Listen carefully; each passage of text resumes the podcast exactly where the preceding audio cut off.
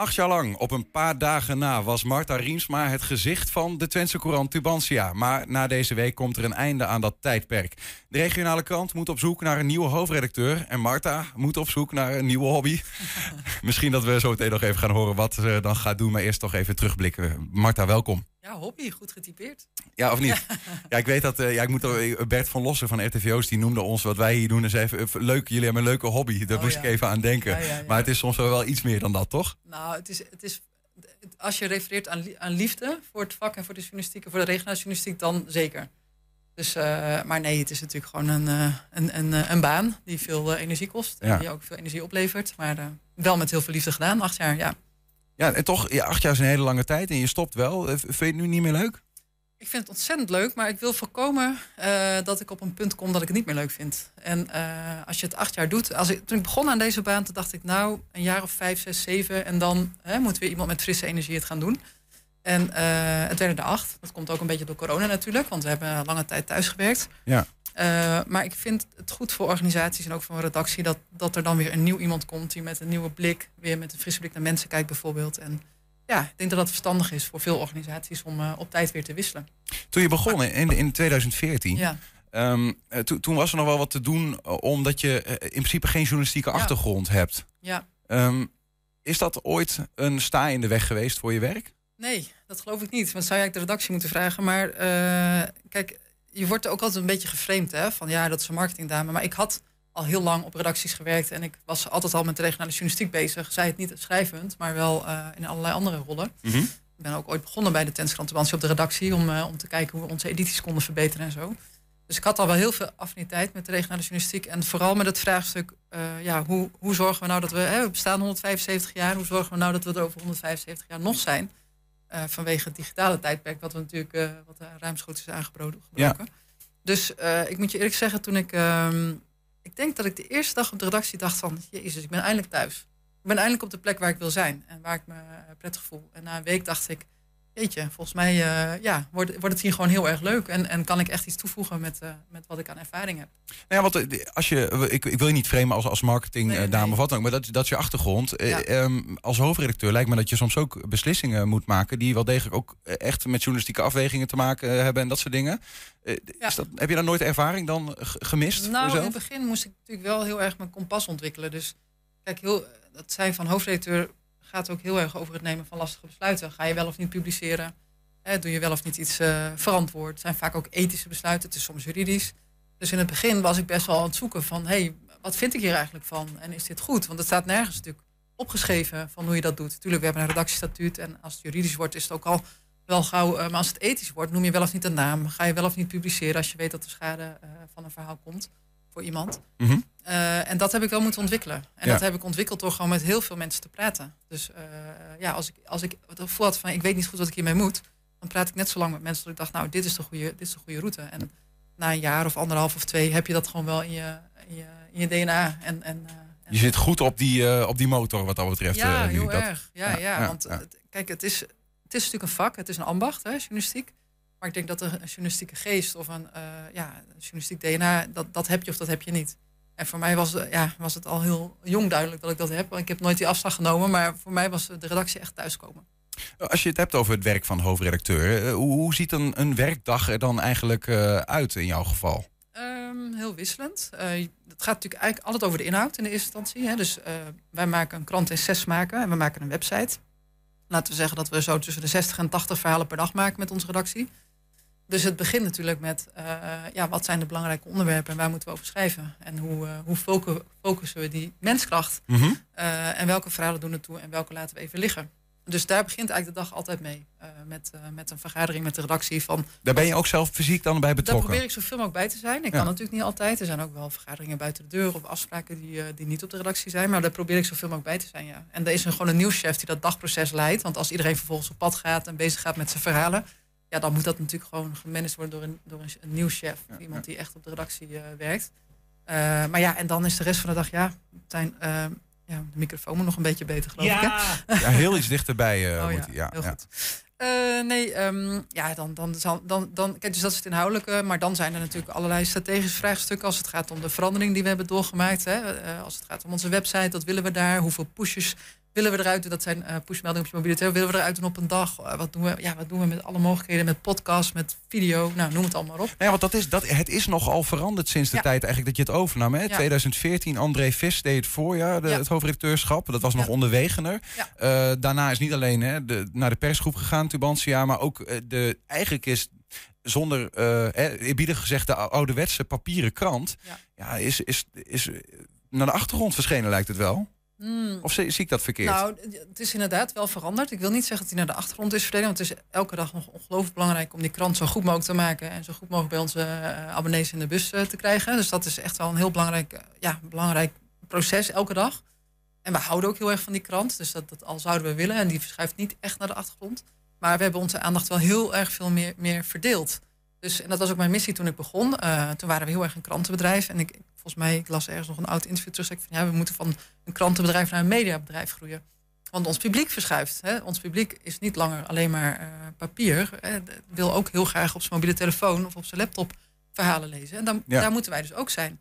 En, en, dus mijn opdracht als hoofdredacteur was ook heel sterk. Uh, de krant blijft belangrijk, die moeten we heel goed blijven maken. Maar zorg dat je volwaardig, een volwaardige app en een volwaardige website gaat maken. Ja. Hoe zit het met het aantal abonnees van zo'n papieren krant dan? Blijft dat... Uh, want, ja, nee, dat, dat, dat daalt gestaag. Hè? Dus, ja. uh, dat geldt ongeveer voor alle kranten in de wereld. Maar dus ook voor, de, voor, voor, voor onze krant. Ja. dat daalt ongeveer met 3, 3% per jaar. Maar het goede nieuws is dat we nu digitale abonnementen verkopen. En die mm -hmm. groeien harder dan het afneemt in print. Ja, ja. En dat is natuurlijk uh, uh, een soort revolutie, vind ja, ik zelf. Ja, ja. Blijft, blijft papierkrant wel bestaan? Ja, die blijft voorlopig nog wel even bestaan. Uh, en ik durf wel te zeggen, in ieder geval vijf jaar en zeker misschien wel tien jaar. maar ik kan niet in een glazen bol kijken. Ik kan me wel herinneren toen ik begon in 2014.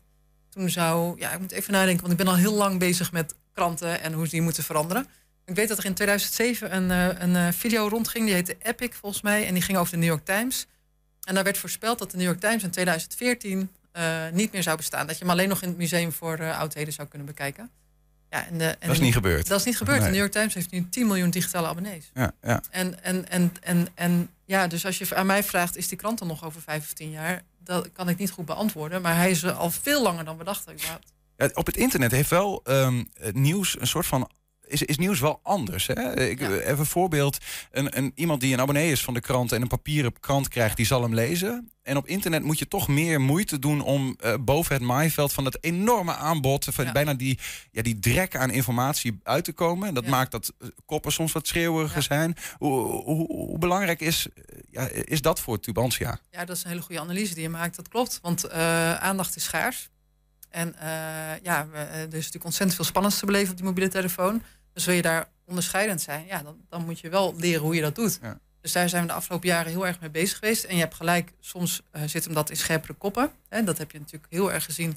Zeker een paar jaar geleden denk ik dat heel veel media best wel rellerig werden, om maar zo te zeggen. Ook wij daar wel een beetje op mee uh, uh, hebben gevaren. Maar zo langzamerhand komen we erachter, en dat vind ik zelf heel goed nieuws dat mensen die bereid zijn om voor onze verhalen te betalen digitaal, die willen gewoon kwaliteit. Die willen gewoon een goed verhaal, die willen een goed achtergrondverhaal, of die willen een mooi interview, of die willen geraakt worden door een ander mens uit deze regio. En mm -hmm. ja, kijk, natuurlijk doen we branden, ongelukken en, uh, en inbraken ook. Uh, en, uh, en, en, en, en, en, moet je wel de aandacht trekken en een goede kop.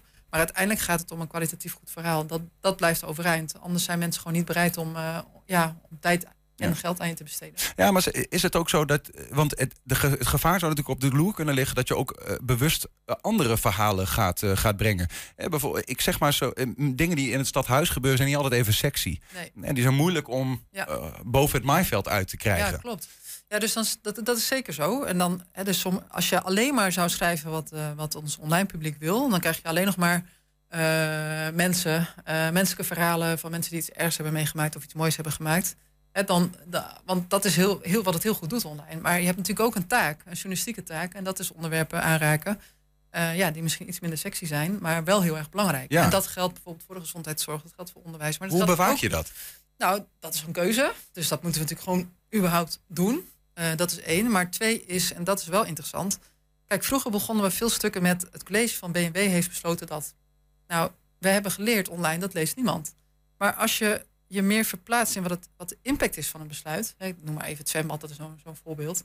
Uh, en je zegt uh, niet, je begint niet met het college van BMW, maar je begint met nou, het zwembad staat onder druk, want er is te weinig geld. Nou, dan merk je al dat mensen natuurlijk meer. En als je, als je zou zeggen, je moet binnenkort 10 kilometer fietsen om naar het zwembad te kunnen gaan, Mhm. ja, dan snap je helemaal. Dus, dus, je, dus je moet, we, we, hebben, we kiezen vaker het perspectief. Eh, Heel dicht naar de leefwereld ja, van de, leefwereld van de lezer. ja. En dan kan je dus nog steeds heel goed eh, gemeentezaken bespreken. Alleen is het minder institutioneel, zoals wij dat dan noemen.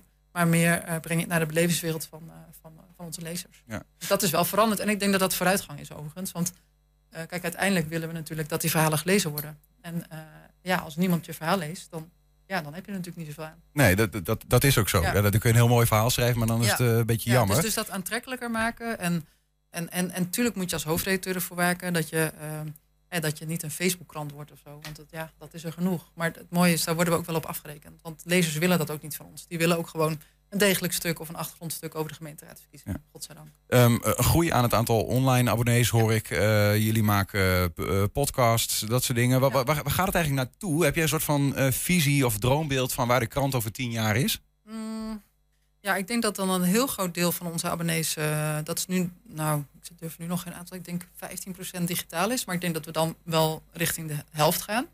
Dus dat de helft van de mensen die voor ons betalen, dat doen voor een digitaal product. Of dat nou de digitale krant is of onze website of Mhm. voor verhalen, dat, weet ik, dat, dat moeten we zien. Tot dat ergernis soms van de volgers, hè, die dan via Facebook Ja. iets voorgeschoteld krijgen en denken: potverdikke, met zit Ja. weer achter zo'n betaalmuur. Ja, dat klopt. Alleen ik denk dat het, het bewustzijn dat journalistiek gewoon geld kost. En dat, het, eh, dat er energie in zit. En dat het vakmanschap vraagt. Ja, het is gewoon niet gratis. En wij zijn geen publieke speler. Hè? Dus eh, als je, eh, ju- voor jullie is het al moeilijk om, hè, om, om, eh, om goede journalistiek te bedrijven. Want het kost gewoon geld Ja. en energie. Ja. En wij moeten, elke euro die naar de journalistiek gaat, moet uit de markt komen. Ja. Maar de, goed, de helft van de abonnees eh, digitaal. Ja, Eh, maar in, inhoudelijk gezien, hoe ziet die, hoe ziet die online krant eruit in eh, Ja, 2030 ik denk dat er, dat er in, in, de, in de basis, in de wezen, als het om de journalistiek gaat en de journalistieke inhoud, niet zoveel veranderd is. Want kijk, journalistiek, regionale journalistiek gaat over verhalen van hier. Verhalen die mensen raken of die impact hebben. Gebeurtenissen die we allemaal. doel, ik denk wel eens als hier een helikopter boven de stad, eh, stad vliegt, dan denk ik. Ga ik naar de app. Ik denk, hebben we het al? Waarom vliegt de helikopter daar? Dat is natuurlijk heel eh, direct. Maar het gaat ook over de afvalwaterinjecties in, in Noordoost-Twente. Of het gaat over het kanaaldrama waar 400 huizen verzakken. Wij moeten er gewoon zijn, op welk platform dan ook. Of Ja. dat nou online is of in de krant. Maar wij moeten er gewoon zijn om dat bloot te leggen. En om eh, te vertellen wat er aan de hand is en de achtergrond bij te brengen. En dat is, dat de is niet vorm anders. verandert af en toe. Alleen de vorm verandert. Ja, Ja, ja, en ja. dat is wel heel erg belangrijk. Ja. Ehm, we zien jou ook in de, in de afgelopen jaren steeds vaker, voor mijn gevoel. Hè, maar aanschuiven op eh, bijvoorbeeld landelijke televisie, bij talkshows. eh, ook als hoofdredacteur van Tubantia. Ja. Waarom is dat eigenlijk? Ehm, Is dat een bewuste soort van strategie of iets dergelijks? Dat dat steeds meer gebeurt? Of weet je gewoon steeds vaker te vinden? Nou, dat laatste in ieder geval ook. Maar ik, ja, dat, ik, misschien omdat ik ook altijd wel het gevoel heb ehm, dat er best een kloof is tussen wat er eh, in, aan de, in de randstedelijke redacties zeg maar, eh, aan bod komt en wat er bij ons aan bod komt. En ik ben begonnen met het mediaforum op Radio 1, daar was ik heel blij mee. Eh, omdat zij ook zoiets hadden, hey, wij moeten onze blik wat verbreden. We moeten ook mensen uit de provincie of uit de regio aan het woord laten. En dat Mhm. vond ik heel mooi, want ik dacht, dat geeft mij de gelegenheid om, om eh, te laten zien wat hier gebeurt. En wat, dat er ook ja, eh, hè, andere perspectieven zijn op, op nieuws. Eh, Ja, de- daarover gesproken. Ja. De- binnen de persgroep, waar Tubantia onder valt... en heel veel Ja. andere, eigenlijk alle regionale dagbladen... ja, behalve die in het noorden, die vallen onder de Telegraaf. Of nou ja, het mediahuis. Ja. daar eh, op, al die merken staat er geen regionaal nieuws op de voorkant van de krant, behalve bij Tubantia. ja. Is dat aan jou te danken ook? Nou, ik moet zeggen, je noemde hem al even. Mijn voorganger André Vis had ooit het lumineuze idee. Hij zegt, ja, mensen lezen onze krant omdat ze het regionale nieuws willen. willen. Ja, dat nogal is, wie dus, Dat is het belangrijkste. Dus laten we dat ook voorop zetten. Laten we dat dan ook de meest prominente plek geven.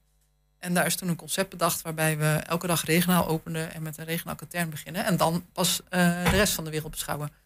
En eh, ik vind dat een heel goed concept. Ik denk ook dat dat zo, eh, zo werkt. Voor mensen in Twente is, en de Achterhoek is Twente een Achterhoek het middelpunt van de wereld. En beschouwen wij het leven vanuit hier. En waarom zou je dan ook niet daarmee Ja. beginnen? Dat het meest belangrijk maken. Ehm, dus dat hebben we gehandhaafd. En dat hebben we ook kunnen handhaven van de DPG Media. Dus daar ben ik ook wel heel erg eh, dankbaar voor en heel blij eh, mee. Ehm, en ja, het geeft denk ik een hele regionale eh, ja, smaak aan onze krant. Die natuurlijk voor een deel ook in Rotterdam wordt gemaakt als het gaat om het landelijke pakket. Ja. En wat misschien wel leuk is voor mensen die de krant lezen, onder onze titel staat eh, Hart voor de regio, oog voor de wereld. En dat is precies zoals wij willen werken. Dus we hebben hart voor eh, Twente en de Achterhoek, maar we moeten natuurlijk niet het oog voor, uh, voor wat er in Oekraïne gebeurt uh, verliezen of op andere plekken in de wereld. Hoe zorg je dat, dat die visie die je daar hebt uh, en geborgd hebt met dit soort keuzes misschien wel, dat die geborgd blijft? Ja, dat is aan mijn opvolger natuurlijk. Ja. ja. Ja, nee, ja. kijk, uiteindelijk bepaalt de lezer ook voor een deel natuurlijk uh, wat wij doen. Uh, als, als, uh, als de lezer niet waardeert wat wij doen, ja, dan, dan, dan, ja, dan horen we dat natuurlijk terug. Een zelfcorrigerend mechanisme, ja, zou je zeggen. dat is het natuurlijk wel. Ja, en toch is het ook toch wel interessant hè, dat de, als, de, als de, de lezer, de klikker op internet bepaalt... Dat, dat, dat, dat je toch keuzes moet bewaken die ook journalistiek beter zijn, toch? Ja, dat is, dat is een spanningsveld. Maar aan de andere kant is het ook een enorme rijkdom dat, dat onze lezers terugpraten. Kijk, die krant die valt in de bus en vervolgens... Wij zien niks. We horen niet over hoe die krant gelezen wordt. Tuurlijk, we krijgen wel eens een lezersbrief of zo. Maar het is niet zo... We kijken niet mee over de schouder op de keukentafel... wat wel of niet gelezen wordt en, en hoe lang iets gelezen wordt. Ja. En kijk, dat internet geeft ons natuurlijk enorm veel informatie... over wat mensen interessant vinden. Wanneer ze afhaken in een verhaal. Mm -hmm. Wanneer ze bereid zijn om ervoor te betalen. En al die informatie... Ik denk dat het verschil is tussen wat jij... Uh, of nou, ik wil niet suggereren, maar in ieder geval waar je op doelt... Wij zijn niet data gestuurd per se. We zijn niet gestuurd door het internet, maar we zijn er wel heel erg door geïnformeerd. En dan kan je alsnog je eigen keuzes maken. Dan kan je alsnog zeggen, nou, hier zit misschien niemand op te wachten, maar wij vinden het belangrijk om te doen, dus we gaan het gewoon doen. Uh, maar ja, je zou ook gek zijn als je niet luistert naar wat dat hele grote publiek, want het zijn er inmiddels 300.000 elke dag, die elke dag tegen ons praten. Die elke dag tegen ons zeggen, dit wel, dit niet. Of, dit, of hier meer van. Ja, dan... Uh, dan, uh, dan, ga je daar natuurlijk wel ook voor een deel naar luisteren. Morgen ga je uh, afscheid nemen van je collega's. Ja. Uh, 1 mei is, of zeg maar eind april is je officiële afscheiddatum. 1 mei, ja, maandag. Ja. Um, ja, je hebt gelijk, het is komt net vier dagen te kort voor acht jaar. Ja. Maar dan mogen we afgerond wel acht jaar noemen, toch? Ja, dat vind ik wel, bij deze. Acht jaar. Maar na acht jaar komt een, komt een eind. wat ga je doen? Ik heb mezelf... Ja, ik vind het heel luxe en ook best wel... ja, echt wel heel luxe. Ik heb mezelf de lente en de zomer vrijgegeven om eens na te denken over, uh, over wat ik ga doen. En uh, dat is dus nog niet uh, duidelijk. Maar met alle ervaring die je hebt, zal het vast iets in de media blijven? Ja, ik wil wel graag in de media blijven werken, zeker. En kijk, ik heb wel, natuurlijk heb ik wel wat, wat vage gedachten over waar dat dan heen zou moeten. Ik zou zelf wat meer willen maken. Dus we zitten hier in de radiostudio, hartstikke leuk natuurlijk. Ja, je bent maar, welkom bij 1 Ja. Centen. Ja, we zoeken nog mensen. ja, ja, ja, ja. En nou, wie weet. Maar en daarnaast, wat mij wel fascineert is ook de wijze waarop heel veel discussies in de samenleving uh, binnen no time ontsporen. Uh, omdat sociale media zo, zo belangrijk zijn geworden. Ja. En het lijkt wel alsof we een beetje vergeten zijn hoe we, hoe we met elkaar moeten praten. Of hoe we met elkaar in contact moeten komen. En ja, op dat stuk zou ik me wel wat meer willen verdiepen. het heeft ook alles te maken met waar we het over hadden. Heel met, erg. Het gaat ook over de rol van de journalistiek. Natuurlijk. Ja. Uh, diegene die het leest. En, ja, maar het is, ja.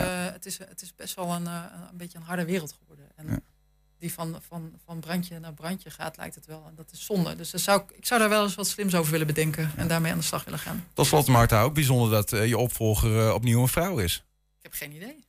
Weet jij wie mijn opvolger is? Nee, maar ik nee. kan het proberen. nee. nee, dat weet ik echt niet. Nee, nee, ik, echt niet? nee, ik weet het echt niet en ik bemoei me er ook niet mee. Nee, nee daar ga ik niet meer over. Nee. Ik hoop dat hij net zoveel, uh, hij of zij net zoveel houdt van, van Tubantia als ik. Uh, en uh, net zo goed voor die titel zorgt. Uh, nou, dat wil ik niet zeggen als ik, maar in ieder geval met dezelfde betrokkenheid ermee aan de slag gaat. Want het is gewoon een geweldige titel. en het is ook een geweldig fenomeen nog steeds, de regionale journalistiek. Daar weten jullie ook alles van. het is gewoon een heel mooi vak. En ja, zo'n titel die er al 175 jaar is, die, die verdient in ieder geval iemand die daar met liefde aan de slag gaat. Eens. Dankjewel, ja. Marta Riensma. Graag gedaan.